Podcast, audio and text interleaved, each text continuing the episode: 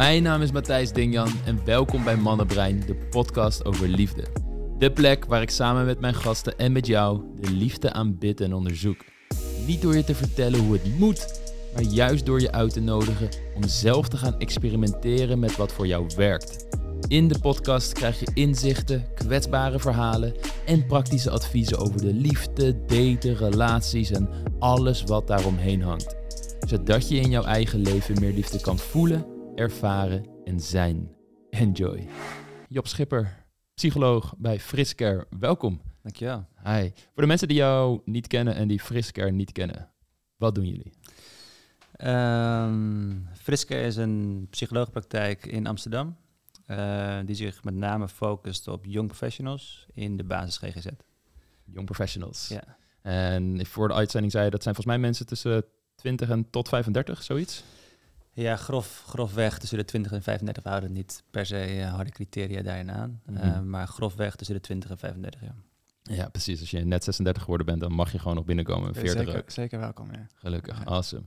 Ja, de reden waarom ik het zo interessant vind en zo blij ben dat je hier zit, is omdat wat ik bij, mij, bij mijn beroep in de coaching in de liefde merk, is dat iedere leeftijdsgroep eigen uitdagingen heeft. Denk natuurlijk als je uh, rond de 30 bent, vooral voor vrouwen, dat de biologische klok gaat tikken. Maar als je bijvoorbeeld rond de 50 bent, hebben de meeste mensen ook kinderen. En als ze dan gaan scheiden, oké, hoe ga je het dan weer doen als je een nieuwe partner gaat vinden? Hoe ga je dan weer die introduceren aan je kinderen? En zo zijn er verschillende levensfases, verschillende uitdagingen. En jullie zijn gespecialiseerd vooral in de young professionals in een leeftijdsgroep Um, waar veel over geschreven wordt. Dat is ook een beetje de millennial groep. Ja. Uh, waar heel veel over uh, gezegd wordt. Dat ze bijvoorbeeld niet meer stressbestendig zijn. Dat ze misschien um, andere vormen van liefde willen aanhangen. Als in, ik las laatst een onderzoek dat het aantal jongeren, um, waaronder ook deze groep, die open staat voor non-monogame relaties, steeds meer groeit. En dat het vooral hier in Amsterdam merk het al helemaal. Dat veel mensen het daarover hebben, dat interessant vinden, dat aan het onderzoeken zijn. Ik ben heel erg benieuwd waarvoor je ervoor gekozen hebt om je dan ook speciaal op deze groep te focussen? Ja, goede vraag. Um, ja, hoe dat is ontstaan, dit is denk ik heel organisch gegaan. Ik run de praktijk sowieso samen met mijn partner, die ook jong professional is. Um, Oud zijn jullie? Um, dit moet ik eigenlijk weten. nee, ik ben zelf net 30 en mm -hmm. zij is 27. Oh, ja. maar het ontstond eigenlijk heel natuurlijk we, hebben, ja, we volgen de studie psychologie op zich al een tijd, toch? Je bachelor, je master. Ja. Um, ik was daarvoor eigenlijk al met psychologie bezig. Um, ik zie het ook in andere vakken, andere dingen die ik tof vind, uh, terug. Mm -hmm. um, maar we zijn eigenlijk naast de studie gaan werken, verschillende plekken gaan werken, verschillende instellingen gaan werken. en toen werd ik me eigenlijk bewust van hoe de uh, vraag leeft onder young professionals. Dat zag ik in mijn omgeving. Uh, vrienden van vrienden. Um, en toen ik daar meer op ging letten, ging ik dat eigenlijk steeds meer zien. Um, en toen realiseerde ik me dat het onze kracht ook is waar um, wij young professionals zijn. En dus ook heel dicht bij de belevingswereld staan van young professionals. daar ook onze kracht als young professional ligt. Mm -hmm. Dus eigenlijk is het heel geleidelijk ontstaan. Uh, verder ja, zijn er heel veel young professionals die kampen met mentale klachten, mentale problemen. Het speelt daar ook echt. Dus ja, 1 en 1 is dan 2. Mm -hmm. um, ja. Zijn er st statistieken eigenlijk over dat er bijvoorbeeld een toename is in deze leeftijdsgroep met bepaalde, uh, bijvoorbeeld burn-out, depressie of andere klachten? Um, ja, je zit natuurlijk nu net na de, de pandemie. Ja. Uh, de pandemie was uh, een gigantische toename in mentale klachten. Dat geldt voor alle leeftijdsgroepen eigenlijk. Mm -hmm. Uh, dus ook voor young professionals, zeker voor young professionals. Um, omdat uh, vanuit huis werken um, niet per se met de meeste ruimte om vanuit huis te werken. Um, bij een baan waarin je veel verwachtingen hebt van wat zou moeten zijn. Ja. Niet per se past bij het ideaal wat veel jonge professionals hebben. Mm. Ja. Wat zijn dan de grootste klachten die de mensen hebben die bij jullie komen? De meest vaak ja. voorkomende? Dat is een goede vraag. Ik het is, het is best wel gevarieerd, omdat we de, je zit op de eerste lijn. Dus in principe alles wat een huisarts doorverwijst, uh, ja. komt bij ons terecht. Um, tenzij natuurlijk bij de bepaalde exclusiecriteria valt. Ja. Um, Dus het is best wel gevarieerd, maar je kunt wel lijnen erin zien. Ehm, wat je veel ziet is bijvoorbeeld veel depressie uh, of somberheid, veel angstklachten, um, paniekklachten. Ja, dat is denk ik de meest voorkomende grootste groep. Ja. Over belasting ook veel. Ja. Burn-out. Ja, en dat is de interessante, omdat... Kijk, je moet je voorstellen, heel veel mensen die bij mij komen... die ervaren vaak dit soort klachten. En ja, heel veel mensen, nou, ik zeg, er is een grote groep mensen die bij mij komt, ervaren veel van dit soort klachten. Dus ze voelen zich niet lekker in hun vel. Wellicht zelfs zware depressieve symptomen. En sommige van hen hebben dan het idee dat de aandacht van een man een relatie met iemand die problemen gaat oplossen. Ze denken ze van oké, ik heb deze problemen, ja die zijn er, maar als ik eenmaal een man heb, als ik een relatie heb, als ik voldoe aan het plaatje in mijn hoofd, maar ook vooral de liefde, goedkeuring en aandacht van die man krijg, dan zijn die problemen waarschijnlijk allemaal opgelost. Helaas zorgt dat ervoor dat ze vanuit een staat gaan daten waarin ze vrij behoeftig kunnen zijn richting een man, omdat ze zich niet goed voelen. En op het moment dat ze aandacht krijgen van die man, er bevestiging is dat die man hen leuk vindt, verdwijnen de symptomen geleidelijk. De oorzaak zit er nog steeds, maar dat weten ze niet. Maar de symptomen verdwijnen. Dus misschien voelen ze zich tijdelijk eventjes goed. En oh, ik krijg aandacht en liefde van iemand. Nu sta ik mezelf toe om niet de hele tijd kritisch op mezelf te zijn. Want hey, kijk, het gaat toch eigenlijk een, een beetje goed met me. Alleen als je vanuit zo'n staat gaat daten, trek je meestal weer mannen aan die zelf ook problematieken hebben. Ehm, waardoor je in een, een soort dynamiek terechtkomt dat die man waarschijnlijk ook weer afstand gaat nemen. Of die relatie toch niet helemaal lekker loopt, waardoor ze weer alleen, uh, komen er, alleen voor komen te staan. Vervolgens komt die kritische stem weer van, hey, zie je nou wel, het is toch allemaal voor jou niet weggelegd. En uh, die, die leegte die komt dan als het ware nog harder terug. Want er komt een nieuwe nare ervaring bovenop te liggen. Die oude wonden worden opengemaakt, maar er komt nog eens een nieuwe scratch bij. En wat ik zo interessant vind, is dat ehm, heel veel van die mensen, als ik vraag van oké, je, je hebt dit gevoel, hè, je loopt met die somberheid, met die depressieve gevoelens, want heb je wel eens therapie gehad, ben je wel eens naar een coach gegaan? En heel vaak is het antwoord ook nee. Ik vind dat een, een boeiend iets, omdat, kijk, ik kom uit een gezin van psychologen. Mijn vader is psycholoog, mijn broer is psycholoog. Voor mij is de realiteit vrij normaal dat je naar een psycholoog toe gaat. Want ja, dat is, daar ben ik in opgegroeid. Dus ik vind die stap ook helemaal niet gek. Ehm, veel mensen die, die bij jou komen en dit soort gevoelens hebben. Ik ben heel erg benieuwd of, of zij dat als gek ervaren, of er iets mis is met hun, of ehm, dat zij anders zijn dan de rest, want zij lopen hiermee rond en ik hoorde eigenlijk helemaal niet mee rond te lopen, want ja, er gaan ook heel veel dingen goed in mijn leven, waarom voel ik me dan zo?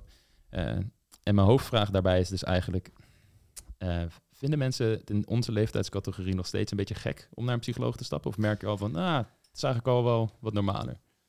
Um, het wordt iets normaler, maar dit wordt nog wel door heel veel mensen gezien als gek, ja zeker. Uh, als in, er is nog steeds wel een grote drempel, ervaar ik, uh, voor mensen naar een psycholoog te gaan. Mm -hmm. Ook omdat het probleem is mentaal, dus niemand ziet het echt. Um, het leeft een soort van in je eigen mind. Ehm, dus stel ik me aan, stel ik me niet aan, mm. is het wel echt, weet je wel. Um, als je dan vervolgens voor schaamt of niet de ruimte voelt om kwetsbaar te zijn richting je omgeving, omdat je niet die vriendschappen hebt of die mensen om je heen hebt, dan kan het alleen maar groeien en groeien. Ehm, en dan kan het ook allerlei symptomen gaan geven op verschillende vlakken. je stemming, uh, angst of, of, waar dan ook. Mm ja, het is wel een, een, stap om dan te zeggen van oké, ik ga naar een psycholoog. Want ja, je hebt nog steeds wel het, het, stigma erop liggen van dan gaat het echt niet lekker met je. Hmm. Dan gaat het toch echt niet goed. Dan, dan ehm, als je een psycholoog nodig hebt, dan, uh, ja, dan gaat het niet goed met je. Ja. ja, dat herken ik natuurlijk wel in de liefdesbranche. Als je naar een datingcoach toe gaat, als je naar een liefdescoach gaat, een relatiecoach, dat doe je op het moment dat je een probleem hebt dat doe je niet als een soort APK-keuring van je auto, uh, die gewoon eens, eens in de zoveel tijd eventjes doet om te kijken of misschien uh, iets vervangen moet worden of, of dat je ergens aan kan werken, als het ware. Ja, ja wat best hmm. wel vreemd is, toch? Ik bedoel, um, ik, sport graag, ik doe nu triathlons. Um, hoe word ik goed in zwemmen? Ik kijk naar iemand die heel goed kan zwemmen die het mij kan leren, toch? En die gaat langs de zijlijn staan en die zegt van, nee, je moet je heupen hoog in het water leggen. je moet dit en dat doen, waarvan ik me niet eens bewust ben. En dan doe ik dat en denk, wow, het gaat veel harder, veel sneller. Um, had ik dat maar eerder geweten, toch? Uh, op alle vlakken waarop je jezelf wil ontwikkelen, waar je wil leren, is het gewoon heel verstandig en efficiënt ook om met iemand die er deskundig in is te kijken naar, oké, hoe kan ik dit aanpakken?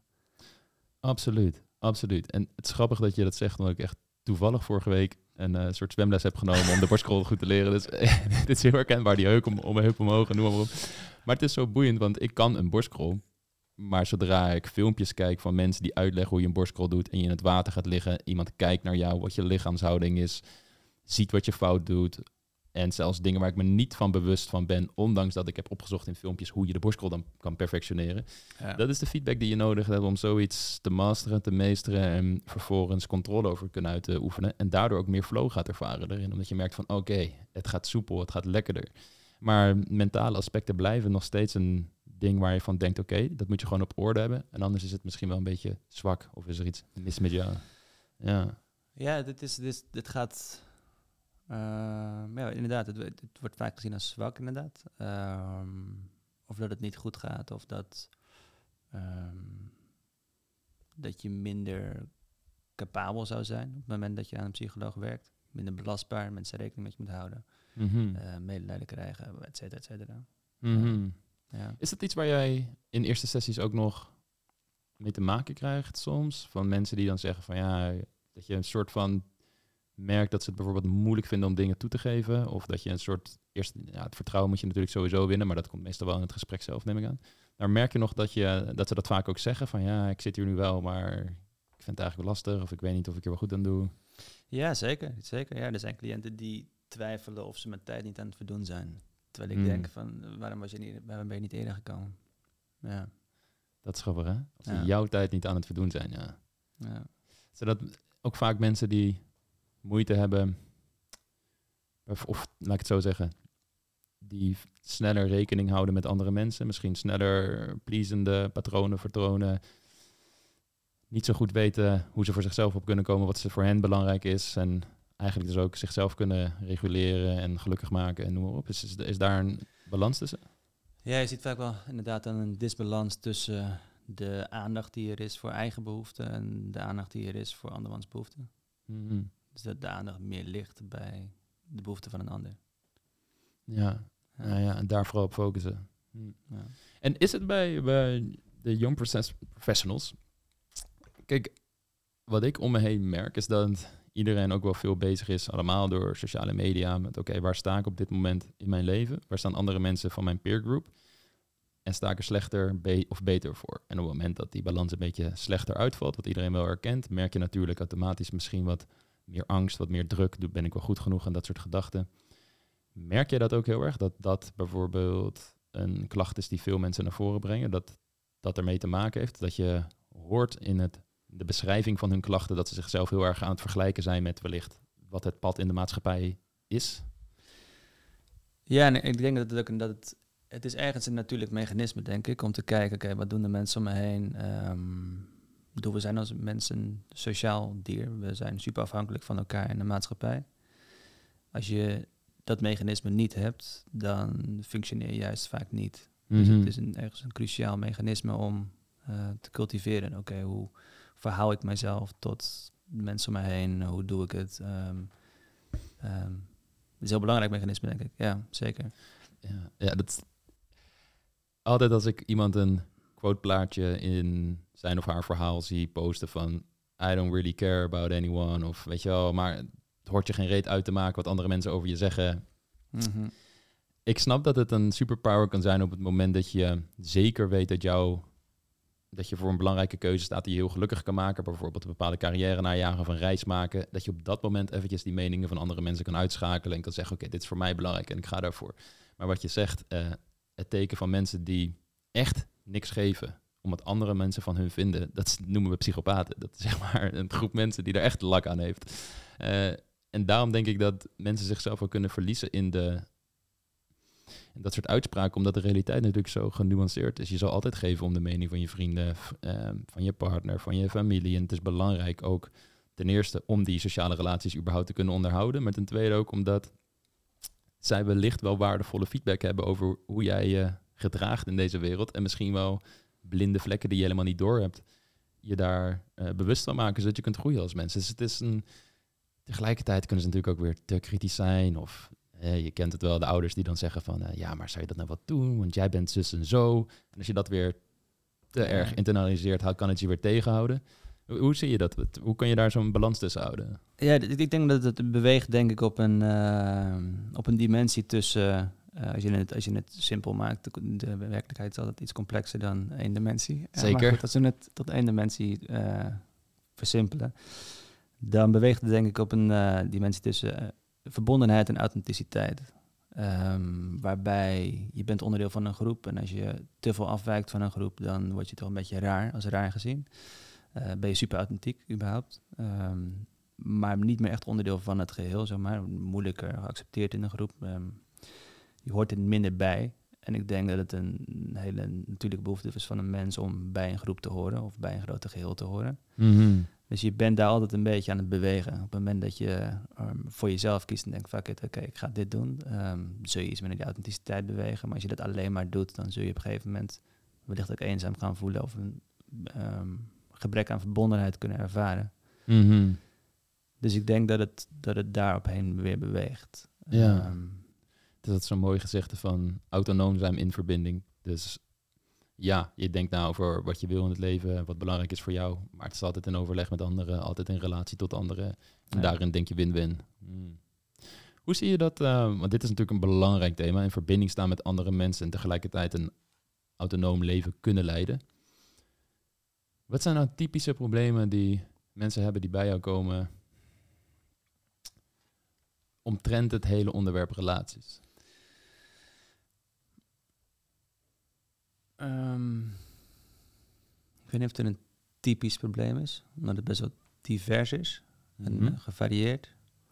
Um, ik denk dat de meeste cliënten met, met individuele problemen komen bij mij, maar dat kan natuurlijk ook ontstaan binnen een relatie of kan in stand gehouden worden binnen een relatie.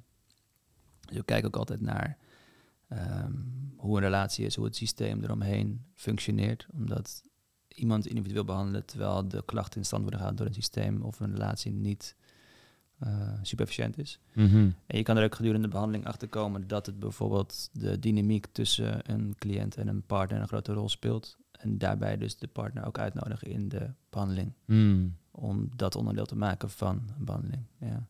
Mm. Um, nou, wat een specifiek probleem is, durf ik niet. Ik ben benieuwd eigenlijk, als ik de vraag naar jou mag leggen. Mhm. Um, want ik denk dat um, mijn werk als psycholoog en jouw werk als datingcoach eigenlijk in het verlengde van elkaar liggen, als niet dat ze uh, verwikkeld in elkaar zijn.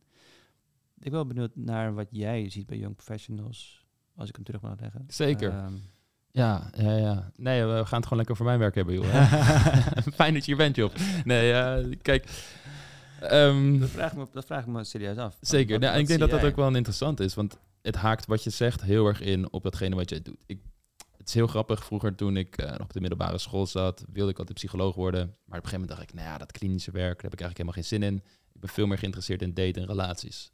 Dat, van mijn achttiende was dat mijn droom, dat ben ik geworden. Gaandeweg ben ik toch steeds meer geïnteresseerd geraakt in het klinische gedeelte, omdat dat zo ontzettend verweven is met elkaar. Ik denk dat liefde, daten en relaties het meest triggerende gebied is in je leven. Omdat daar vaak de hechtingsstijl natuurlijk naar voren komt. De relatie met je ouders. Heel veel oud zeer. Wat je op zich redelijk soort van weg kan stoppen eh, als je gewoon uh, naar de bushalte loopt naar werken, noem maar op. Maar zodra je echt in intiem contact met mensen gaat, komt al die shit naar boven. Dus uh, je komt automatisch uit op, op diepere thema's waarvoor mensen ook naar psychologen gaan. Wat zijn dan de problemen die ik vaak zie bij young professionals? Laat ik zeggen gewoon voor het gemak millennials. Dat één, moeilijk om een keuze te maken. Maar echt moeilijk om een keuze te maken. Dus er is heel veel overvloed van potentiële partners. Niet eens mensen met wie ze ook daadwerkelijk seks hebben of daadwerkelijk eh, friends with benefits relaties hebben.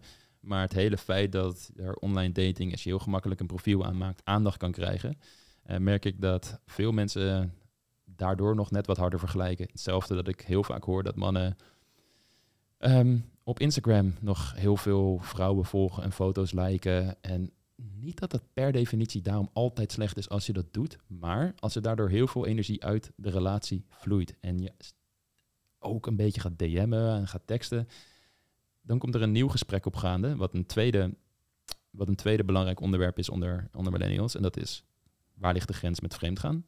Is dat op het moment dat je gaat DM'en met een vrouw, terwijl je stiekem al weet van, nou ja, ik voel wel wat of ik vind haar aantrekkelijk? Of is dat pas op het moment dat je gaat afspreken? Of pas op het moment dat je gezoend hebt of in bed ligt? Dus dat is een tweede ding, dat, dat, dat is helemaal nieuw. En het kan ook ontzettend, Esther Perel heeft hier een heel mooi boek over geschreven, The State of Affairs, waarin ze beschrijft dat vreemdgaan op het moment dat je er nu achter komt in de hedendaagse tijd, uh, volgens mij zegt ze het zo mooi, is iets van, it's a, it's a It's a dead by a thousand cuts. Zoiets zegt ze erover. Omdat je al die berichten, stel je logt in op je partners, je pakt zijn mobiel en je kan WhatsApp en Instagram lezen en je ziet al die berichten en foto's en afspraakjes. Ja, je wordt echt geconfronteerd met de harde realiteit. Terwijl je vroeger misschien alleen een bonnetje vond van een hotel en je confronteerde hem, je kwam erachter, maar je, de rest is fantasie, je ziet het niet. Dat is een tweede belangrijk onderwerp. En ik denk een derde wat we al uh, uh, benoemden, dat er een kleine shift gaande is dat meer mensen nadenken over de relatievorm die ze willen. En dat wij zitten natuurlijk allebei in Amsterdam. Dat merken je hier al helemaal. Dat veel mensen het toch wat meer aan het experimenteren zijn. Het Sodom en Gomorra van uh, Nederland. Hè? Zo noemen we dat toch? Sorry, het? Het Sodom en Gomorra van Nederland. Ik ken die niet, maar ah. hij uh, leer ik alsnog mooie dingen. dus uh, ja, dat zijn de, de, Ik praat gewoon verder alsof ik het wel gewoon goed begrijp. En, ja, dat, dat zijn de drie grote onderwerpen die ik nu zie. Ja, en ik denk dat daar... Over, over die eerste ben ik benieuwd naar. Je zegt dat ze het moeilijk vinden om een keuze te maken. Is het een angst om de verkeerde keuze te maken? Of is het een, um, een terughoudendheid richting commitment? Wat ze, wat ze willen geven?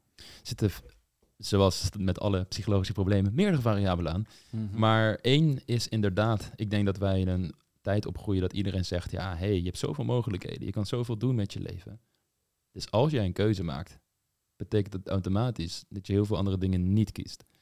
En we weten natuurlijk van uh, psychologisch onderzoek onder andere dat op het moment dat je mensen meer keuzes geeft, dat ze het moeilijker vinden om een keuze te maken en vaak ook minder tevreden zijn met die met keuze. Maken, Tenzij ze echt voor die keuze gaan, want dan gaan ze voor zichzelf rationaliseren waarom dit, dat toch een betere optie is dan de rest. Maar dan mhm. moet je wel echt die keuze durven te maken. Dus je Tinder wegdoen, niet meer gaan appen met andere mensen en echt 100% voor die relatie gaan, zodat je de volle potentie van die relatie kan laten ontplooien. Dus dat is een, denk ik een, uh, een hele belangrijke. Maar het tweede is, en dat merk ik ook veel bij mannen, daar zit ook weer een heleboel variabelen aan, maar seks is gewoon toegankelijker.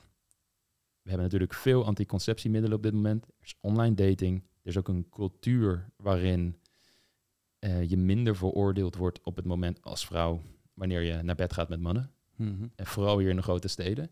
De seks is ook toegankelijker. En ik denk ook dat het daardoor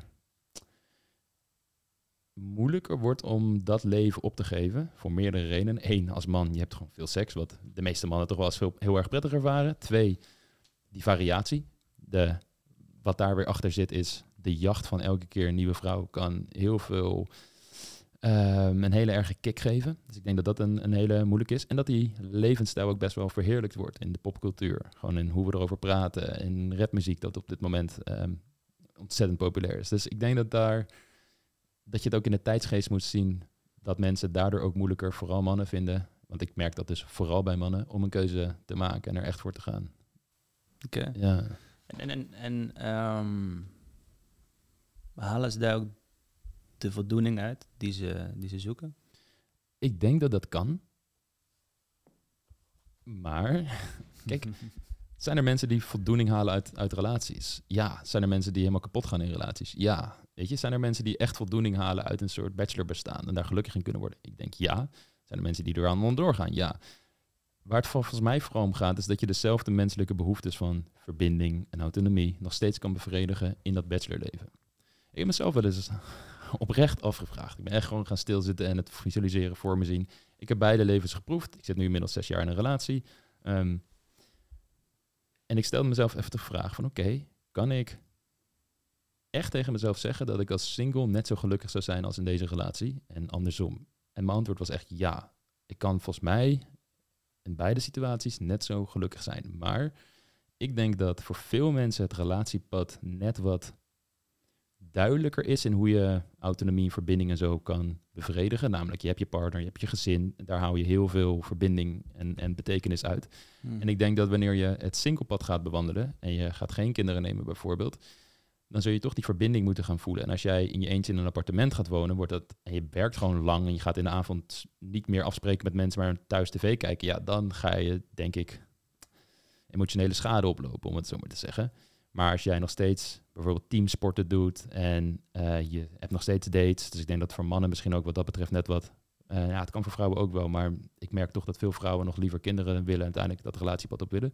Maar ik denk dat voor veel mannen dat een best wel aantrekkelijk pad kan zijn, wat niet per se leeg hoeft te zijn. Maar het moet wel een heel duidelijke keuze zijn en niet vanuit een soort bindingsangst ontstaan, want je bent bang voor verbinding. Het moet wel echt een... Ja.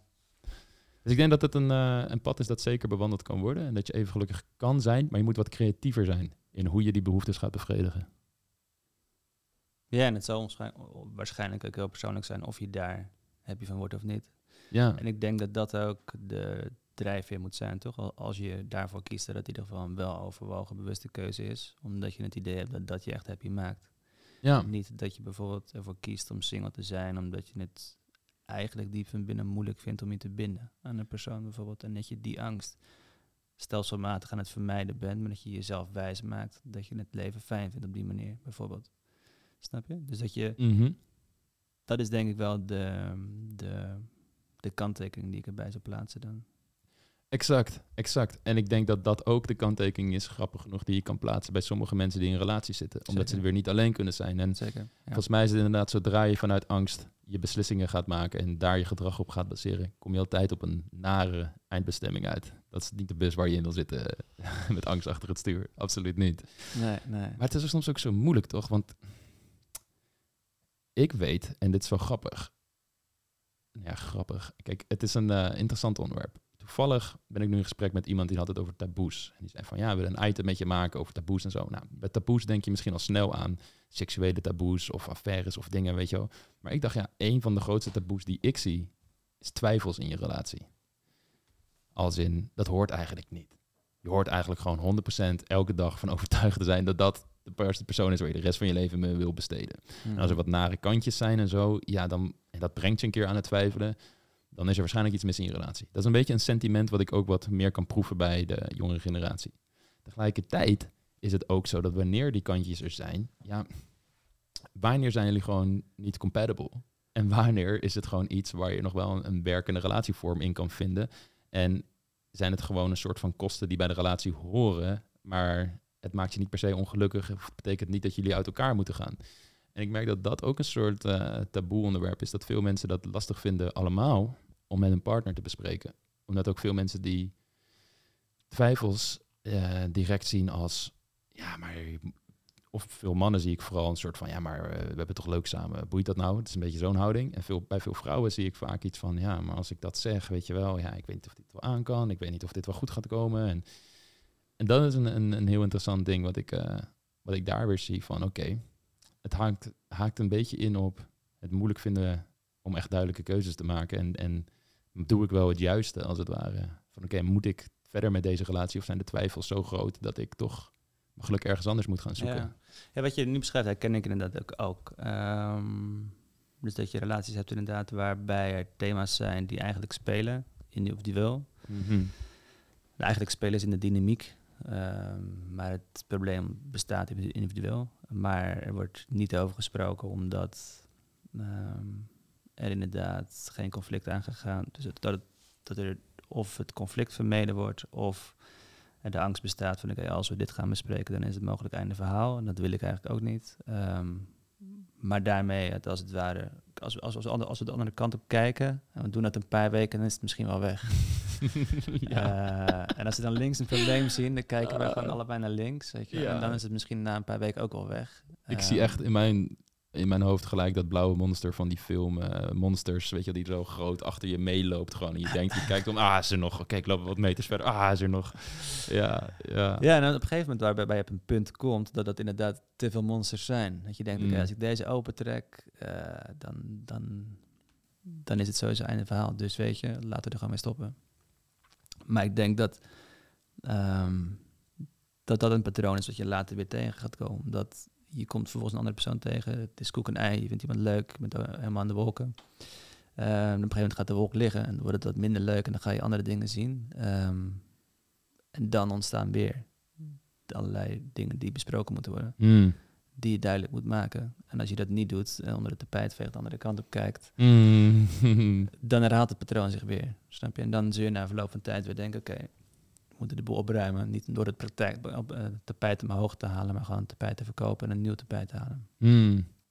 Ja, tot die weer gevuld is aan de onderkant en up. En dan komt de volgende weer. En, ja. Ja. ja. Zou je zeggen dat een belangrijk gedeelte van jouw werk ook is mensen leren hoe ze die moeilijke gesprekken kunnen voeren?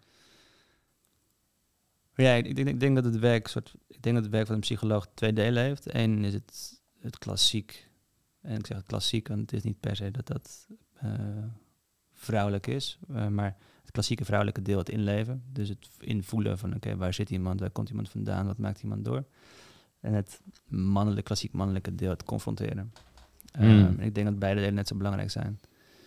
Um, en dat is sommige behandelingen ook het een meer op de voorgrond staat dan het ander. Um, en soms is confrontatie inderdaad belangrijk. Dus dan is de rol van mij ook binnen een veilige setting en binnen een um, vertrouwelijke omgeving iemand confronteren met wat ik zie. Wat niet prettig is bijvoorbeeld. Maar wel super belangrijk is. Ja. ja. En dit is een van de dingen die iedereen in zijn leven zou moeten hebben. Iemand die onafhankelijk van de relatie met jou eerder kan zeggen, zo objectief mogelijk vanuit een expertise, wat de dingen zijn waar jij aan kunt werken. De shit die je eigenlijk echt moet horen. Ja. Da alleen dat al zouden we gewoon, los van het feit of je dringende problemen hebt waar je op dit moment aan onderdoor gaat, waar je echt aan moet werken. Dus de pijn is zo groot, ik moet wel hulp gaan zoeken. Nee, gewoon letterlijk elk jaar, zoals een soort APK, zou voor iedereen dit goed zijn. Van hey, dit zijn wat dingen waar ik mee worstel en uh, iemand die daar naar luistert. En vaak gaan mensen het dan een beetje bagatelliseren, maar het valt allemaal wel mee hoor. En als je daar inderdaad doorheen kan prikken van oké, maar vertel nog eens, want je gebruikte dit woord. Nou, dat vind ik toch wel interessant. Wat bedoel je daar dan mee? En niet die oppervlakte laag als genoegen neemt, maar echt achter de diepere ja, ijsberg gaat kijken. En ook, ook, je, je ervaart een probleem, oké. Okay, um, hoe ga je daarmee om? Wat, wat, is jouw relatie met dat probleem? En mm. um, een benadering die wij ook veel gebruiken binnen onze praktijk is um, dat de klachten die een persoon ervaart eigenlijk het product is van hoe iemand zich gedraagt binnen bepaalde omstandigheden. Dus klinkt heel abstract. Ja, heb je een voorbeeld? ja. um, ja, zeker. Een voorbeeld zou bijvoorbeeld kunnen zijn: iemand ervaart zich dat hij, somber, hij of zij somber is. Um, hij heeft minder motivatie, slaapt moeilijker. Dingen die hij voorheen, waar hij van kon genieten, daar geniet hij niet minder van dat zijn eigenlijk de klachten waarmee die komt. Van hey, ik ervaar dat ik stommerheid, dat ik, ik, wil me graag weer positief voelen, um, mijn negatieve gevoelens weg hebben. -hmm. Waarbij je gaat kijken, okay, wat zijn eigenlijk de omstandigheden waarin je zit. En dat er blijkt dat hij um, bijvoorbeeld een baan heeft, of een relatie heeft, of uh, een andere situatie heeft waar hij in zit, die hij eigenlijk heel relaxed vindt, maar dat probleem continu vermijdt. Mm. Dus dan zou in dit geval zouden de klachten depressieve klachten zijn. De omstandigheden zouden dus zijn een situatie waarin hij zich oncomfortabel voelt. En de omgang daarmee zou dus vermijding zijn.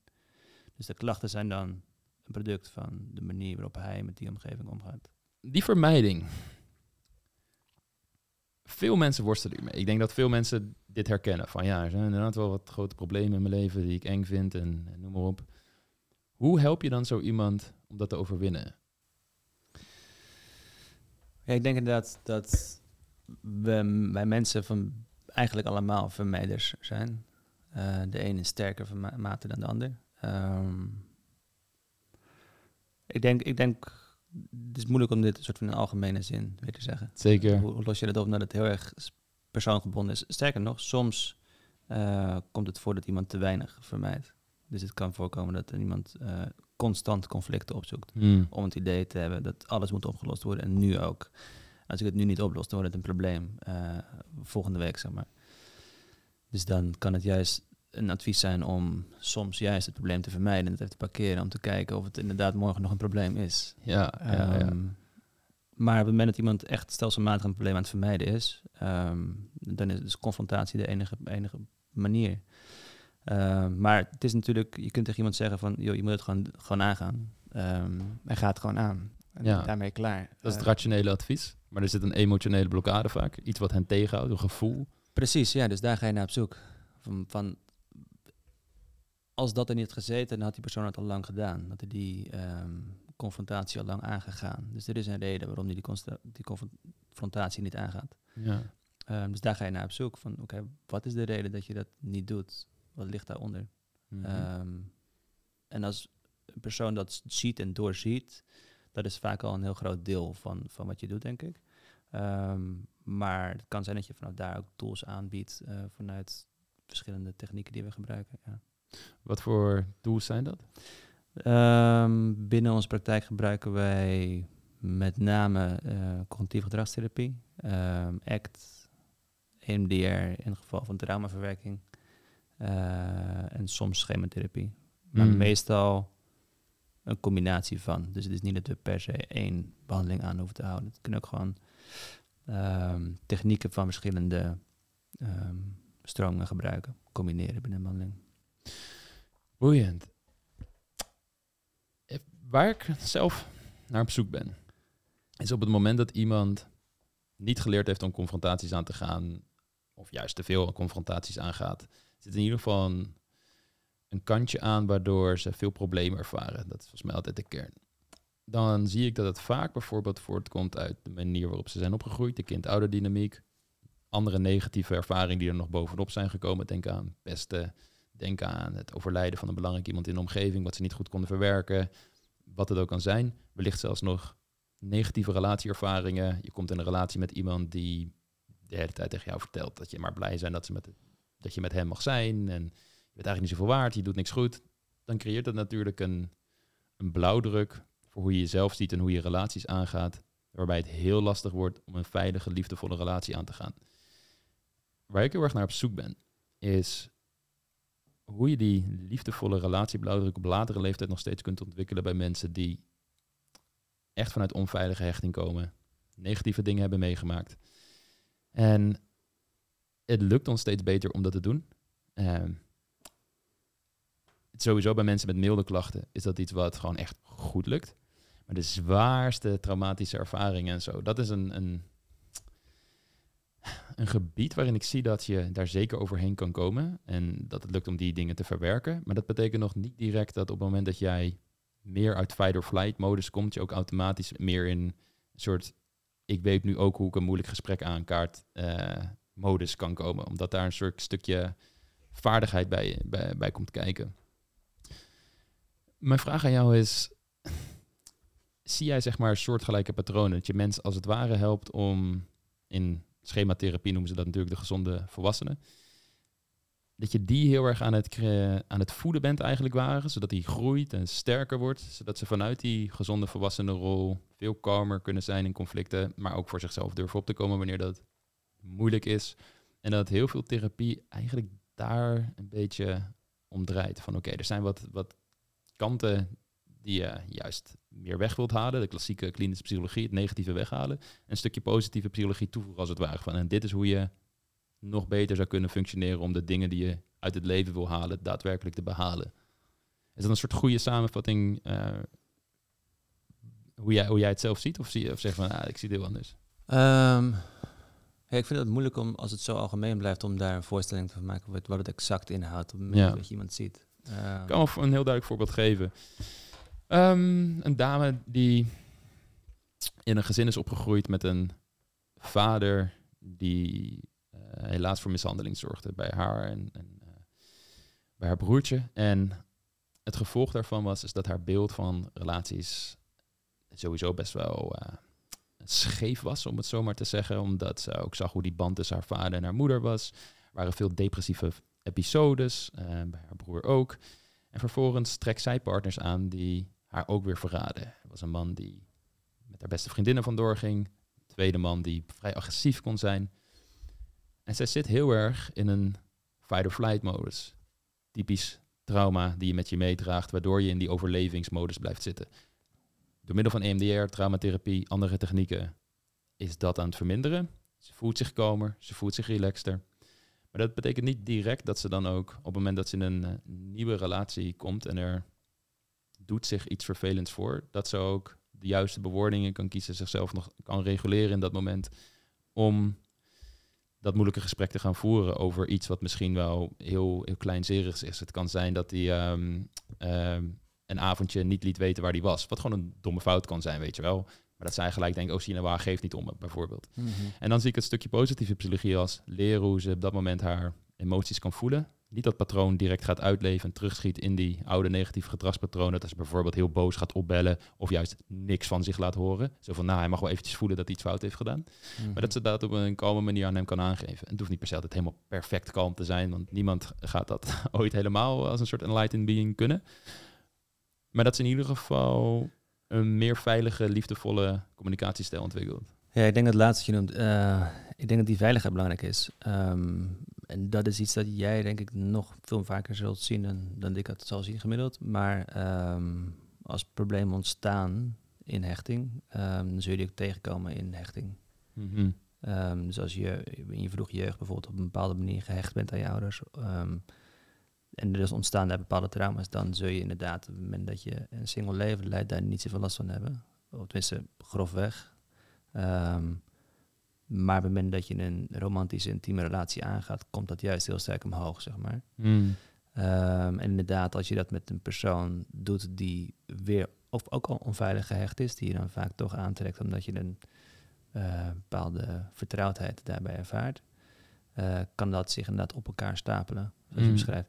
Ehm, maar ik denk dat ehm, er, mo- er moet, er moet een veiligheid zijn binnen een relatie om dat te kunnen herstellen. Ja. Dus er moet een ehm, veiligheid zijn voor de persoon om kwetsbaar te kunnen zijn. Dus om hetgeen wat die persoon ervaart neer te kunnen leggen op tafel zonder dat daar per se iets gedaan moet, worden. Het is niet van oké, hey, ik voel dit, dus jij gaat hier nu op acteren.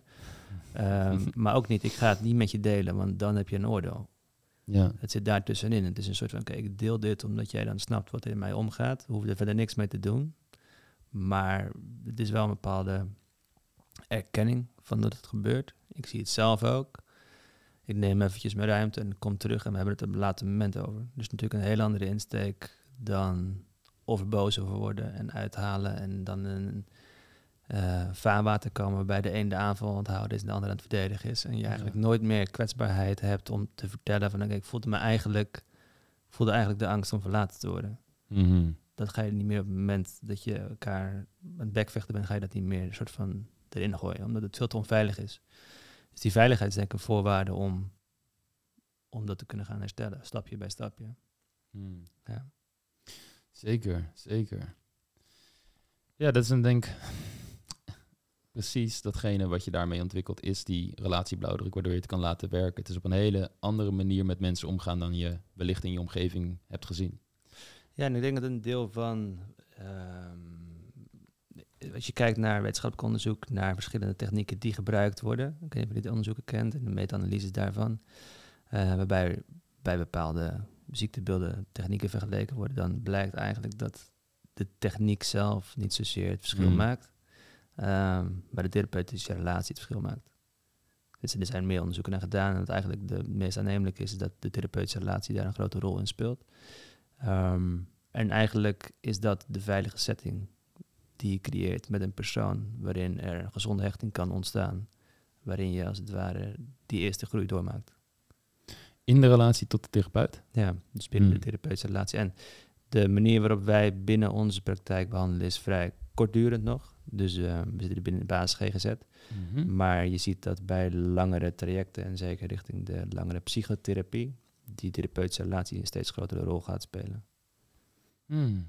En je geeft daar in de relatie van cliënt-therapeut alweer hoe een veilige relatie eruit ziet, als het ware. Ja, dus, dus er, er vindt ook een. Je bouwt ook een relatie met een cliënt. Dus op het moment dat een cliënt binnenkomt, is een cliënt een, vle- een vreemde. Maar Mhm. binnen een uur ontstaat ook contactgroei, zoals het ook tussen jou en mij ontstaat. Mhm. Op een gegeven moment bouw je een soort van een gesprek en er vormt een relatie als het ware omheen. En op het moment dat je elkaar vaker ziet, wordt die relatie ook diep. En binnen die relatie gebeuren er eigenlijk ook dingen die, die gebeuren in de relatie tussen haar en de mensen om haar heen. En op het moment dat je dat kunt benoemen, als dat daar ruimte voor kan zijn, de veiligheid voor kan zijn, als daar gewerkt kan worden, is dat eigenlijk de eerste stap Mhm. richting herstel. Ben je dan vooral, moet ik het zo zien, in jouw sessies veel aan het praten? Of zijn er ook momenten dat je bijvoorbeeld ook eens zegt, hey, we gaan een triggerende EMDR heb je natuurlijk al genoemd, acceptance en commitment therapy ook, waar vooral veel oefeningen in zitten. Dan heb ik het vooral even over acceptance commitment therapy, waarbij je emoties leert reguleren, gedachten leert observeren en noem maar op. Uh, is het een, een mengelmoes altijd tussen gewoon praten, probleem duidelijk krijgen, zij kan haar verhaal doen. En een stukje vaardigheid opbouwen als in, oké, je wordt getriggerd in een bepaalde situatie. Dit is hoe je met die emoties om kan gaan. Ja, een stuk, het kan een stukje meditatie en mindfulness kan erin zitten. Um, kan een stukje lichaamsgericht werken, dat je meer bezig gaat zijn met wat voel je in je lichaam, waar voel je dat in je lichaam. Um, dat je meer in je lichaam komt als het ware dan dat je um, een hoofd op pootjes bent. um, en een groot deel is inderdaad in, in, in conversatie met elkaar. Ja. Mm. ja. ben benieuwd wat jouw visie hierop is. Hè? Mm -hmm. ik, dit zag ik laatst over. Het is zo'n typische uh, shower thought, zoals ze dat noemen. Zo'n zo'n douchegedachte van, oké, hoe komt het dat we nu als het ware voor sommige mensen moeten leren hoe ze emoties moeten reguleren? Terwijl als je vroeger in een jager-verzamelaar samenleving zat, was er waarschijnlijk niemand die met jou ging zitten van oké, we gaan even een mindfulness oefeningetje doen. Ik zie dat jij dat kan gebruiken. Um, denk je dat veel mensen nu niet met emoties om kunnen gaan? Even heel simpel gezegd allemaal. Hè? Omdat dat, dat ze in een bepaalde tijdsgeef leven, een bepaalde maatschappij waarin die vaardigheden niet meer helemaal worden aangeleerd? Of was het altijd al een, een belangrijk ding? Het is natuurlijk vooral komt het voort uit je gezinssituatie in de relatie tussen jou en je ouders. Die laten al heel veel zien hoe je dat reguleert. Um, of was dit denk je vroeger ook al in jager-verzamelaar samenlevingen? Alleen was je dan gewoon fucked? Ik zou sowieso niet in die tijd geleefd hebben. um, dat is een goede vraag. Ik, ik kan erover uh, filosoferen. Ik weet niet mhm. of ik het juiste eind heb, maar um, ik vind het wel een interessant gedachte-experiment. Ik denk dat de, de, de, de, samenleving moet vanaf daar naar nu ook wel veel complexer geworden zijn. We leven met veel meer mensen samen op een hele kleine ruimte, um, waarbij niet alle emoties nog kunnen bestaan altijd. Terwijl, mm. ik denk als je in een hutje ergens woont en je hebt wat noten verzameld en uh, geen idee hoe ze het toen bij, bij zaten, maar uh, er was er meer ruimte voor meer extreme emoties, denk ik. Terwijl als je nu vrij extreme emoties laat zien, en dat doe je vaak, dan kost het wel je baan. Mm. Uh, en misschien ook wel je relatie. Um, en misschien ook de buurman de politie wel belt, omdat het wel heel geluidruchtig is. Of toch, of, dus der, der, om normaal te moeten kunnen functioneren in de maatschappij is um, emotieregulatie denk ik wel belangrijker geworden. Hmm. Dat vind ik dus ook heel interessant. Want kijk, ik denk inderdaad dat je daar aan het correcte eind hebt. Hoe ik het zie is, soms zie je in bepaalde culturen dat als er een begrafenis is, dat de vrouwen echt staan te krijzen en die emoties er gewoon uitlaten. En dat is een manier van rouwen. Als je op een Nederlandse begrafenis komt, mensen huilen wellicht achter een zonnebril met een, met een zakdoek, maar het is ingetogen, rustig, kalm. Als jij gaat staan krijzen daar, ben je hysterisch. Mhm. Zo wordt er naar gekeken. Een van de grootste dingen die ik zie die helpt bij het verwerken van emoties, als je bijvoorbeeld oefeningen gaat doen met mensen, is vooral het eerst toelaten, ervaren in je lichaam, eigenlijk contact maken met de sensaties van die emotie. Mhm. Pas als je dat kan toelaten, kun je het vrijlaten. Maar als jij inderdaad je 9-to-5 job hebt en vervolgens avonds uh, met vrienden hebt afgesproken in de kroeg. En er gebeuren wat dingen in je leven die lastig zijn. Maar je moet dat eigenlijk de hele tijd onderdrukken. Omdat op het moment dat je het eruit laat, ja, ben je die rare gast. Of je wordt inderdaad ontslagen op je werk als je even gaat staan krijzen bij je bureau. Omdat je iemand belangrijk in je omgeving net is overleden. Ja, dan, dan ben je dus inderdaad de hele tijd dingen aan het wegstoppen. En ik vermoed dat er dus in jager-verzamelaar samenlevingen al automatisch routines en systemen waren waarin dat meer naar buiten gelaten kon worden als er iets heftigs gebeurde. En dat je het als collectief ook ervaarde. Omdat de hele stam, als er iemand overleed, daarmee te maken had. Dus iedereen voelde die rouw. Dus iedereen ging daarin mee. En niemand hoefde het te onderdrukken. Dat we eigenlijk op constante basis veel meer in een collectief in contact stonden met onze emoties. Dat denk ik, ja. En wat ik ehm, weet van de, in ieder geval de onderzoeken, vooral antropologische onderzoeken, die ik daarvan heb opgezocht, was dat je natuurlijk sowieso al shamanistische rituelen had. Dans om het vuur, eh, ritmes, uh, emoties eruit laten. Wat wij als het, nou, vanuit Westen naar kijken vaak gek vinden. Oh, wat staan zij gek te doen of zo, weet je wel. Van om een vuur heen dansen en noem op. Maar het is eigenlijk in contact komen met datgene wat in jouw lichaam zit. En in plaats van het te onderdrukken, het eruit laten. Mhm. Wat een hele, hele, heel helend effect kan hebben. Dus ik denk dat we al in bepaalde rituelen in die stammen heel veel emoties aan het verwerken waren. En dat als er iets gebeurde, dat je het ook als collectief ervaarde en daardoor niet hoefde te onderdrukken. Omdat je anders buiten de boot viel uh, binnen je vriendengroep of wat dan ook. Ja. ja. Wat zouden dan manieren stellen? We hebben dokter Job en dokter Matthijs hebben het hier helemaal bij het rechte eind. Wat zouden wij mogen beleid maken? Wat zou jij zeggen? Maandelijks een kampvuur en een... ja, er zijn natuurlijk mensen die, die, dat, die dat doen. Uh, ik denk dat er sowieso... Ik merk dat in Nederland wel een trend gaande is... dat meer mensen uh, in ieder geval bezig zijn met zelfontwikkeling, zelfreflectie. Van oké, wat zijn de dingen die binnen in mij spelen... waar ik mee aan de slag zou kunnen gaan om een gelukkiger leven te leiden. Of een contenter, meer kalmte te ervaren, wat het ook is. Wat... Uh, als mensen die nu luisteren en daar stappen in zouden willen maken of dat willen zouden gaan onderzoeken, wat zou je gewoon aanraden? Dus wat is je vraag precies? Dus als mensen meer in contact willen komen. Ja, dus stel je merkt gewoon van, oh, ik, ik heb best wel veel spanning. Of ik merk dat ik vaak somber ben, verdrietig ben. Uh, tuurlijk, je kan naar een professional stappen, dat sowieso. Maar wat zijn bijvoorbeeld een soort rituelen, zoals de natuur ingaan, die je zou kunnen toepassen in je dagelijks leven? Wat zou je bijvoorbeeld de cliënten aanraden? Om meer zelfregulatie aan te leren, als het ware? Um, ja, wat ik denk ik op emotioneel, emotioneel gebied, en dus met name het onderdrukken of het toelaten van emoties, ik denk dat één is het erover hebben met mensen om je heen. Um, dus een ruimte waarin je bespreekt hoe je je voelt. Hmm. Ook als dat uh, niet is wat de ander wil horen. Of in ieder geval een ruimte waar, ik kan me voorstellen dat je op je werk daar niet per se een gesprek over hoeft te voeren met de collega's om je heen. Maar dat er wel op frequente basis een gesprek plaatsvindt met hoe het echt over, je met hoe, over hoe het echt met je gaat hmm. ehm, binnen een vertrouwelijke setting. Ehm, persoonlijk merk ik sport, maar dat is persoonlijk. Um, het is eigenlijk niet persoonlijk, het is eigenlijk voor iedereen, zie je dat terug. maar de een omarmt het wat meer dan de ander. Ik ben denk ik een type die het heel veel omarmt. Ehm, maar over het algemeen zie je dat sport ehm, ja, heel veel losmaakt of energie losmaakt. Um, dat mensen die veel sporten zich over het algemeen veel beter voelen, veel meer in contact komen met hun lijf en hun lichaam. je hebt ook andere vormen van beweging, zoals yoga bijvoorbeeld, of andere Oosterse bewegingsvormen, die daar nog meer aan bijdragen. Mm. dingen die allemaal gaan over meer in contact komen met je lichaam. Want dat is eigenlijk waar we het over hebben, denk ik, toch? Dus um, je hebt, je kunt bezig zijn in je hoofd met allerlei ideeën over wat je moet doen en uh, allerlei alsof je je prefrontale cortex bent, als het ware. Mm. Um, en vergeet dat je er nog een lichaam onder hebt, wat van alles voelt en super complex is. En uh, um, mm. gigantisch geniaal is eigenlijk. Um, waar je het contact mee verliest op het moment dat je alleen maar cognitief bezig bent, als het ware. En dat is ook een beweging die je natuurlijk uh, ziet in de maatschappij. We worden geacht meer cognitief bezig te zijn ook. Toch? Ik bedoel, alles... Zeker. Wat je ziet wordt steeds abstracter uh, en complexer en technischer en uh, minder direct tastbaar en waarneembaar.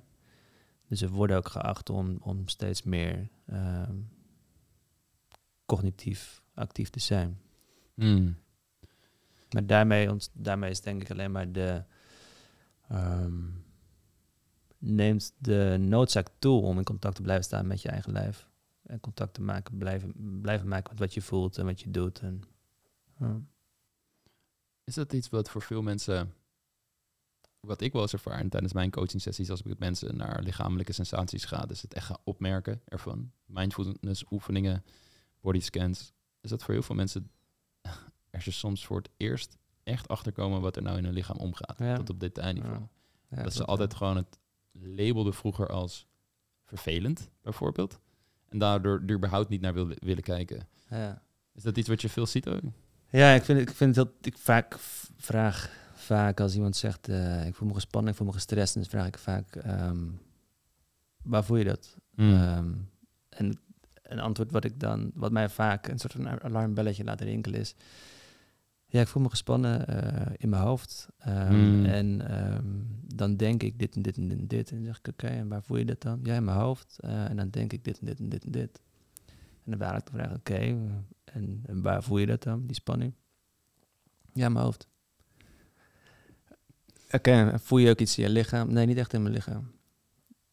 Dat voor mij een soort van teken is van oké, okay, dit is kennelijk een, een je, je, je, slaat een deel over. Want als je gespannen bent, dan gaat je hart sneller kloppen. Je, je middenrif trekt samen, je ademhaling gaat van je buik naar je borst. Uh, je gaat transpireren, uh, adrenaline gaat door je lichaam heen. Je gaat tintelingen voelen. Je gaat misschien van... Ehm, er is superveel waarneembaar in je lichaam. Überhaupt is er superveel waarneembaar, ook als je niet gespannen bent. Um, dus het feit dat je al die sensaties mist en bezig bent met een druk in je hoofd, achter je ogen of ergens in deze regio. Hmm. Ehm, is natuurlijk super opvallend als ik vraag waar voel je dat? Dus dat, dat is vaak al een. een uh, ik denk als psycholoog heb je. Je vraagt en je komt op er gaat een belletje aan. Oké, dan gaan we linksaf in het gesprek. Oh, hmm. En dan gaan we rechtsaf. En dat is voor mij een, een heel duidelijk teken wat ik vaak tegenkom. Ja, ja, ja die is heel herkenbaar. En ook in het date is dat een van de dingen die mensen het meest tegenhoudt, namelijk in je hoofd zitten, is een term die we vaak gebruiken, waarbij vooral mannen tijdens trainingen, waarbij we ook daadwerkelijk naar clubs en kroegen en zo toe gaan, omdat als een soort van exposure therapy. Ja. Als jij moeite hebt met socialiseren en aanspreken, ja, is dat fantastisch. Maar wat je ziet, dat ze daar hun hoofd in schieten. Van oké, wat moet ik doen? Wat moet ik zeggen? Het analytische. En daarmee compleet in forceren of in ineenstorten komen. Dus of ze doen helemaal niks meer. Ah, een beetje van oké, eh, ik durf niet meer, te veel, te veel stress, overweldiging. of heel erg gaan forceren. En dan dingetjes gaan zeggen, maar het is allemaal rationeel en er zit geen gevoel bij, waardoor het heel raar en off overkomt. Mhm. Waardoor je vrouw ook ziet kijken van oké, wat is dit precies? Ja, no thanks. Interessant wel. Het is me wel interessant lijken omdat... Wat zie ik als dat, als dat dan een aantal keer voorkomt, dat het heel snel afneemt? Nee, ze moeten echt de juiste tools krijgen om daarmee aan de slag te gaan, anders blijven ze in het hoofd zitten. Maar er zijn meerdere dingen die je met ze doet. Eén is ze überhaupt bewust maken dat ze een lichaam hebben, als het ware. Dus, oké, je voelt spanning. En dan ga je al die stappen af. Waar voel je dat in je lichaam? Wat zijn de sensaties? Dus daar al een bewustwording van maken. Soms kun je een korte ademhalingsoefening met ze doen, ze laten landen in het moment. Dat helpt zeker wel om ze in een rustige staat te krijgen. Maar het tweede ding is, is dat je je brein als het ware kunt hacken wij zien dat mannen twee soorten momentum hebben. Je hebt denkersmomentum. Dat is echt lekker in je hoofd gaan zitten nadenken over wat je moet gaan zeggen, hoe mensen zullen reageren, wat iedereen van jou zou vinden. Dan schiet je dat hoofd in en dan ben je helemaal uit contact. En dat is een momentum, daar kun je jezelf helemaal in verliezen. Maar je hebt ook doenersmomentum. En wat wij zien, dat als je mensen kleine stapjes van progressieve actie laat ondernemen, is dat ze dan doenersmomentum opbouwen, steeds meer uit hun hoofd gaan en in flow terechtkomen juist. Want je doet, heb het boek ooit gelezen hebt, maar flow, het, het, principe is in ieder geval dat je iets doet wat uit je comfortzone is, maar net uit je comfortzone. Mhm, niet te ver, mhm. want dan word je overweldigd, maar ook niet binnenin, want dan is het te saai. Dus net erbuiten en op middel van dat soort kleine stapjes komen ze veel meer in hun lichaam terecht en denken ze niet meer na over wat ze allemaal moeten zeggen. Ze zijn dingen aan het zeggen. En ze zijn dan niet meer aan het doen, maar echt aan het zijn. En wat je ziet is dan als je dat zelf ook ervaart, wanneer je in denkersmomentum zit, is er ook echt een afstand tussen jou en de rest. Het zijn een soort eilandjes waar jij niet bij hoort. En als je in dat doenersmomentum komt, alles is veel meer met elkaar verbonden. Je ziet het ook niet echt meer als van, oh, daar staat een groepje mensen, individuen. Het is, het is gewoon de club, een soort van zee van mogelijkheden om plezier te hebben. En dat kun je dus als het ware hacken, helemaal nuchter, geen alcohol, geen drugs voor nodig, door kleine stapjes te zetten. Nu, sommige mensen worden zo erg overweldigd dat er meestal ook nog wel therapie aan te pas moet komen, omdat er gewoon echt uh, zware triggers zitten van trauma die ze met zich mee te dragen. Maar dat is echt een kleine minderheid. Voor de grote meerderheid werkt dat doenersmomentum opbouwen. Ja, ja ik, ik, ik heb, ik heb uh, natuurlijk ook een keer een aantal keer cliënten naar doorgestuurd. Um, omdat ik inderdaad ook zag dat de angst die ze ervoeren um, geconcentreerd was rondom um, het daten, angst voor afwijzing en um, naar mijn idee ook inderdaad exposure de juiste methodiek was. Ehm, maar goed, binnen een praktijk is het toch wat moeilijker om dat te realiseren dan als datingcoach. ja. Ehm, maar ik denk dat dat bij uitstek voor angst de beste, de beste behandeling is.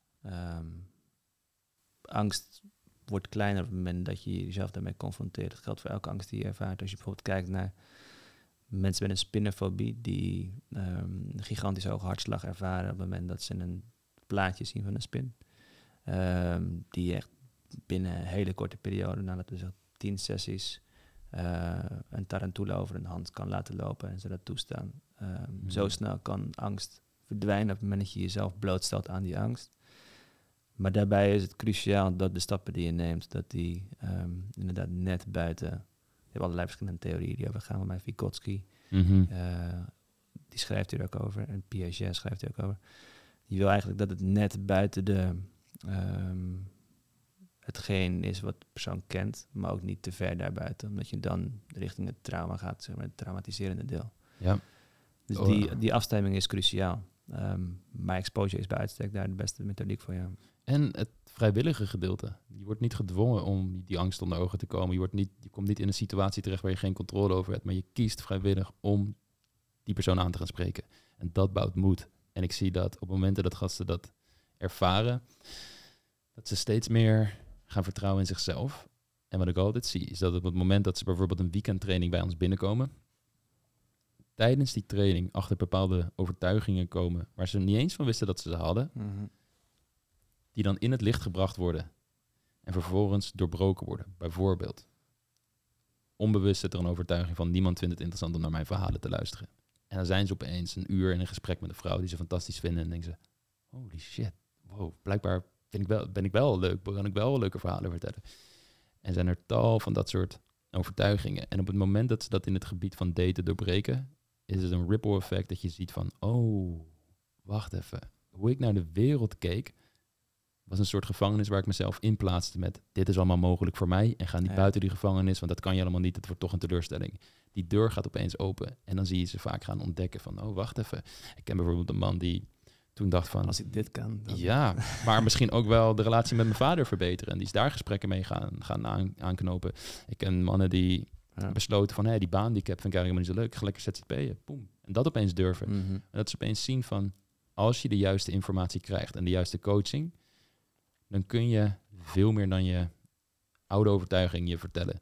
En wanneer dat gebeurt, dat is echt een magisch moment. Het is een, een levensvreugde die daar ook vrijkomt bij die mannen het is ongeëvenaard. Ja. Prachtig om te zien. Ja. Mm. Ja, en dit, dit, dit, dit geldt wel Ik vind, ik vind het zelf ook super boeiend om zo mm. steeds angsten die ik zelf heb te overwinnen. Door het, gevecht met jezelf aan te gaan. Mm en dan eerst, bijvoorbeeld over zwemmen net, toch? Mijn, Een van mijn grootste angsten ehm, vanuit, ik heb geen idee waar het ontstaan is, ongetwijfeld ergens toen ik jong was, is, uh, was zwemmen. Mm. Ik vond zwemmen heel oncomfortabel, en zeker onder water. Als kind had ik het altijd door het gat heen moest. Dat is echt een soort van... Zodra ik onder water ging, keihard zwemmen. Veel te veel mm. zuurstof gebruiken. Mm. Veel te veel weerstand creëren. En dan net het gat halen en dan boven komen. En dan een soort van buiten adem zijn. Ehm, en nu voel ik me super comfortabel onder water. Ik vind het juist super fijn om te zwemmen. Dus mijn favoriet onderdeel geworden. Terwijl ik dat voorheen echt totaal niet had. Maar ik vind het proces zo boeiend. Dat je ehm, in het water ligt en dan zo'n golfangst door je heen voelt. En dan een soort van het water uit wil gaan, wil wegrennen. Misschien ook de eerste keer half onderweg bent. Ja. En dan, nee, terug. Je ging dit doen. Dus ik heel bewust weer terug. En dat je dan binnen korte tijd merkt, oké, wat ik hier aan doen ben, vind ik eigenlijk niet zo eng meer. Net een stapje verder en dan weer die golf door je heen voelt. En dat je denkt, wow, mm. heftig, intens. En dat, dat op een gegeven moment gewoon weg is. Mhm. Dat, is, mhm. dat is denk ik een. Uh, ja. Het, en je kunt het, en ik denk, um, je kan het horen, omdat ik het tegen je zeg. En dat je denkt, oh ja, dat is waar inderdaad. Waarschijnlijk is dat zo. Uh, ik geloof me op zijn blauwe ogen. Um, maar als je het ervaart, is het nog veel waardevoller. Als je dat voelt, dan, dan krijg je dat moment van, oh, oké, wacht even. Als ik dit, dit was, als ik dit kan, ik ben ook eigenlijk daar bang voor. Of dat is ook een angst zou dat daar hetzelfde werken. Mm dan, dan kun je een veel rijker leven voor jezelf creëren. Want ik denk dat juist achter die, angst, achter die angsten het goud ligt voor jezelf. Ja, in vrijwel alle gebieden. En normaal, waar we het eerder ook over hadden, confrontaties aangaan binnen je relaties, moeilijke gesprekken aangaan. Het is zo eng op het moment dat je het moet doen. Angst dat je het niet goed kan, angst dat je partner boos wordt, misschien zo weggaat misschien wel van, oh, ben ik niet een, een bot persoon als ik dit zo zeg? Of eh, heb ik het wel aan het juiste eind? En al die dingen. En ik denk dat ook vooral in de interpersoonlijke sfeer het ook belangrijk is dat je het überhaupt al vertellen en zelfs zeggen misschien van hé, hey, ik ervaar dit en ik weet niet eens of het waarheid is of wat dan ook, maar ik mhm. ervaar het en in plaats van dat ik het allemaal in mijn eigen hoofd ga zitten uitdokteren, wil ik het met jou gaan uitvogelen. Omdat we een relatie hebben en omdat we samen door dit leven heen gaan. En belangrijk vind om jou mee te nemen in dat proces. En dat heeft al heel veel waarde en, en, haalt er al heel veel druk van het probleem af, waardoor je er veel meer in kan, kan gaan relaxen. Ja. Ik had een uh, professor die vertelde, ik vond het een super uh, tekenend verhaal. Die ving het in een soort van uh, een verhaaltje. Die vertelde over een man die, um, die wilde graag een akker en die wilde daarop verbouwen en allerlei groentes en het dan zelfvoorzienend zijn, een soort van een klein bio-boerderijtje. Dat was de grote droom. en die ging naar een, een plek, een dorp waar een akker was. Dus die kocht daar een akker en die ging daarheen. En toen kon hij bij die akker aan. Dacht ik, oké, top, we gaan beginnen. Achter op die akker stond zo'n houten schuurtje waar hij heen ging. De deur open, lagen de spullen die hij nodig had om dat te gaan doen. Uh, toen keek hij naar rechts en zag hij, uh, door het, was een beetje schemerig, en zag hij aan de zijkant zo'n grote slang liggen. Hij dacht, fuck. Dus hij snel die, deur dicht. Hij zag ook een raam en dacht, oké, shit, straks komt hij de raam naar buiten, weet je wel. Dus hij het raam dicht timmeren. En dacht, oké, hij is wel groot. Misschien dat hij nog steeds tussendoor komt. Weet je, laat ik voor de zekerheid een greppel graven. Om gaan, misschien zijn bang voor water. Uh, en dacht, maar misschien kan hij ook wel zwemmen. Weet je, de zekerheid ook een hek om die greppel heen. Um, maar goed, voor alle, zekerheid doe ik ook nog daaromheen. Want hout, dat steek ik aan. En vuur zijn slangen sowieso bang voor. Dus hij een groot vuur omheen gemaakt en die rook die komt bij het dorp aan. En die mensen zien die rook, die gaan kijken, wat de fuck is daar aan de hand? En die zien die man met een groot vuur op zijn akker staan, om dat schuurtje heen. En die man, er komt een man op, die zegt dan van... Hey, je ging toch een bio-boerderij beginnen omdat je dat leuk vond. En uh, wat ben je nu aan het doen? Je bent een soort van... wat, wat ben je nou aan het doen? Uh, hij zegt, nee, uh, er zit een grote slang in die schuur. Die wil eruit, maar ik heb de maatregelen genomen. Hij kan er nu niet uit. Ik hou dat vuur gewoon aan. Niks aan de hand, ik heb het onder controle.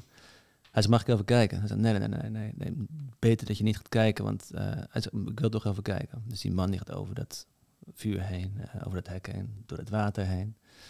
Die deur uh, vrijgemaakt en die komt binnen en die schijnt de zaklamp naar rechts waar die slang lag. Is het een tuinslang. Hmm. En hij zei, dit is hoe angst werkt in je hoofd. Op het moment dat je het gaat vermijden en er weg voor beweegt, als het ware er vanaf beweegt, gaat het groeien. Hmm. En in je hoofd kan het groter worden dan waar dan ook. Dus het neemt toe en het neemt nog meer toe en het neemt nog meer toe. En op een gegeven moment ben je alleen maar bezig met het vermijden van die angst. En niet meer met hetgeen wat je eigenlijk wil. Namelijk die boerderij bouwen of whatever. Hmm. Ik vond dat een heel krachtig beeld van, oké, dat is hoe angst je klein kan houden. Hoe, hoe, je jezelf eigenlijk klein kan houden. Door die manier met je angst om te gaan. Man, het is zo, zo interessant. Uh, dat, het hele aspect daarvan als een... Ja, soms is het inderdaad gewoon een tuinslang en het maakt niks uit. En weet je, je, de hele projectie van jouw angst op de wereld, dat is hetgene wat je echt tegenhoudt. En dat confronteren of er überhaupt naar gaan kijken, is precies datgene wat voor, voor heel veel groei gaat zorgen. Maar het is soms echt moeilijk ook om, denk ik, voor mensen om gewoon die keuze te maken van oké, ik heb een bepaalde angst, maar maak ik het nou echt zelf groot of oké, weet je wat, ik raad mijn moed bij elkaar en ik ga het doen. Omdat het heel erg angstgedreven is, doen ze het op een manier dat het toch niet helemaal lekker gaat en misschien juist een angst bevestigd wordt en dat ze dan weer terug gaan vallen. Dus bijvoorbeeld, ik heb veel vrouwen bij me die gaan daten en dan merken van, uh, nou ja, het gaat allemaal niet zo leuk, er zijn niet zoveel leuke mannen en er zijn, uh, weet je wel, het, uh, de mannen die ik dan ontmoet, die haken af. Ze zijn toch niet geïnteresseerd. Zijn er überhaupt nog wel goede mannen? Mm En dan verrapen ze de moed bij elkaar. Dus om die angst te gaan te confronteren en in dat schuurtje te gaan kijken. Maar ze doen dat eigenlijk op zo'n manier. Ik weet niet hoe het in deze metafoor gaat passen, maar dat er als daadwerkelijk een soort van slang ligt. Dus dat ze ook echt mensen gaan aantrekken die hen op een vervelende manier gaan behandelen. Uh, en soms is dat daadwerkelijk van oké, je trekt inderdaad echt iemand aan die zelf best wel destructieve gedragspatronen laat zien in het contact met vrouwen. Maar soms is het ook dat je gewoon een man aantrekt die in potentie gewoon een prima partner zou kunnen zijn. Alleen omdat jij je angsten zo op de wereld projecteert, ben je heel erg bezig vanuit, oh je gaat me toch wel pijn doen en het gaat toch niet goed. En je laat best wel zelfdestructieve of zelfsaboterende patronen zien, waardoor je bevestiging weer krijgt van oké, zie je nou wel, ik heb mijn angst geconfronteerd, maar het werkt toch niet. Wat, uh, ja, wat, is jouw visie daarop? Wat zou je dat soort mensen aanraken vanuit de psychologie? Ja, ik, denk, ik denk dat de focus dan te veel op het resultaat ligt. Dus dat dan, oké, ik ga mijn angst nu overwinnen. En um, op het moment dat ik dat overwin, dan moet ik ook per direct iemand scoren wat de man van mijn droom is. Uh, terwijl het, het, gaat daar dan niet over. Het gaat over, jij overwint je angst. Ja. En elke keer dat je dat doet, win je. Um, en dat is het proces. En als de focus daarop ligt en je daar groei door maakt, maakt het volgens mij niet uit. Of je dan wel de, de man je dromen vindt of niet. Of dat je dat 10 of 15 keer doet. Ja, Job, dat zal wel. Maar ik ben uh, eh, 34 jaar oud. Uh, de biologische klok begint voor mij te tikken. Dat is makkelijk voor jou om te zeggen. Maar um, elke als ik op Tinder ga, ja, dan zijn er dit en dit soort mannen. Uh, ja, wat als ik, weet je wel, ik kan wel zeggen van oké, ik ga met ze daten. Maar um, ik ken, uh, ik ken iemand Matthijs. Ik zal, ik zal zijn nummer geven. Jij verschuift het dan gewoon naar mij. Ja, fair enough. Ja, nee, maar ik, ik Hij ben... is hier heel goed in, uh, kennelijk. Oké, nou, dat zal ik hem pakken. Kijk, ik ben het helemaal met je eens. Het gaat om het overwinnen van die angst. Want wat ben je dan eigenlijk aan het doen? Je bent hetgene aan het trainen waar jij directe invloed op hebt. Dat is namelijk het ontwikkelen van vaardigheden. Mm Je persoonlijkheid, je karakter. Waarmee je, als je dat ver genoeg blijft ontwikkelen, uiteindelijk iets gaat zijn, je gaat op een bepaalde manier met mannen om, dat het resultaat vanzelf gaat komen. En dat is volgens mij met zwemmen zo, dat is met snowboarden zo. Ik kan gaan focussen toen ik voor het eerst ging snowboarden op dat ik naar beneden wil op een vloeiende manier. Maar als ik daar heb gefocust, die stap te groot. En ja, ik kom al beneden, maar ik val. Maar als ik ga focussen, oh, op mijn voorste been leunen bij deze bocht. En bij deze andere bocht moet ik juist rechtop blijven staan en niet naar voren gaan leunen. Dan leer ik de vaardigheid wanneer ik, waarmee ik beneden ga komen. En wat ik heel veel merk, vooral in het daten en relaties, is dat mensen alleen maar focussen op het eindproduct. Ik wil veel vrouwen of ik wil een relatie. Dat moet ik nu hebben en het proces daar naartoe, ja, dat moet ook direct resultaat leveren, anders dan werkt het blijkbaar niet. Ja, en ik, denk ook dat, dat die vaardigheden cruciaal zijn voor als je iemand vindt waarvan je denkt, hey, chill, dit is een persoon waarmee ik verder wil, die ik interessant vind of whatever. Uh, want dat is het begin, toch? Mm Zeker. Daar, begint het. Bedoel, het kan best zijn dat je daarin allerlei andere dingen tegenkomt, waarbij je hetzelfde proces nodig gaat hebben, dezelfde angsten gaat ervaren, eigenlijk hetzelfde patroon tegenkomt binnen jezelf. Dus het is veel belangrijker het patroon, dat je daarmee mm. om leert gaan, dat je dat leert begrijpen bij jezelf, want die gaat tot en met, ja, tot, als je, tot, als je blijft groeien tot de laatste dag op aarde, dan blijft tot de laatste dag op aarde blijft bestaan, dat patroon. Dus ja. dat, is, dat is veel belangrijker, denk ik, dan Ehm, dan dat je een quick fix hebt.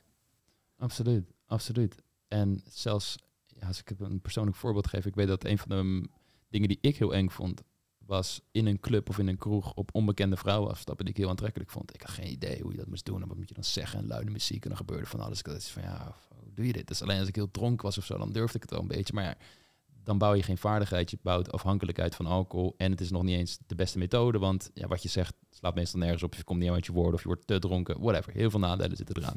Mhm. en, en op een gegeven moment leer je van, oh, je wacht eens. Je hebt denkersmomentum, doenersmomentum. Als ik kleine stapjes opbouw en ik krijg ook praktijk voor te zien van hoe, dat, hoe je kunt flirten, hoe je speelse vlekken kunt maken. En ik ontwikkel die vaardigheid binnen mezelf, zodat ik me authentiek kan uiten en niet een soort masker aan het opdoen ben van dit is hoe een aantrekkelijke man eruit wordt te zien dan heb ik een vaardigheid in mijn systeem waardoor ik opeens wel vrouwen durf aan te spreken en plezier heb. En dan kom je alsnog tot hetzelfde resultaat. En interessant. Ja, gewoon ook jezelf, denk ik. Ja. Um, op een pure manier durven uiten. Ja, 100 procent. Dat Absoluut. is denk ik uiteindelijk wat key is, toch? Ik bedoel, ik ben geen persoon die... Uh, Zeker. Nou, je, je wordt authentieker, letterlijk. En mensen denken van, ja, maar ben je dan niet allemaal techniekjes en trucjes aan doen? Nee, juist niet. Want wat je leert zijn principes. En die principes zijn bijvoorbeeld radicale eerlijkheid of plezier maken. Maar dat is te abstract. Dus je hebt af en toe voorbeeldzinnetjes nodig en voorbeeldsituaties. Zodat je brein begrijpt hoe dat er in de praktijk uitziet. Maar zodra je dat helemaal ziet, mijn manier van fun hebben, mijn manier van waar ik mee zit en waar ik over graag wil praten, dat is 100% authentiek. Mhm. En door middel van die principes te integreren, leer je dat als het ware te doen op een aantrekkelijke manier. Maar dat betekent niet dat je dat dan de angst helemaal weg is. Nog steeds moet ik af en toe uh, mezelf eraan herinneren van, oh ja, dit is ik voel misschien nu een angst als ik in een nieuwe omgeving ben. Maar ik heb de vaardigheid om hiermee om te gaan. En dat is volgens mij waar het in, in essentie uiteindelijk echt om gaat. Ja, en, en, en die, uh, die kleine succeservaringen. Ja. Toch?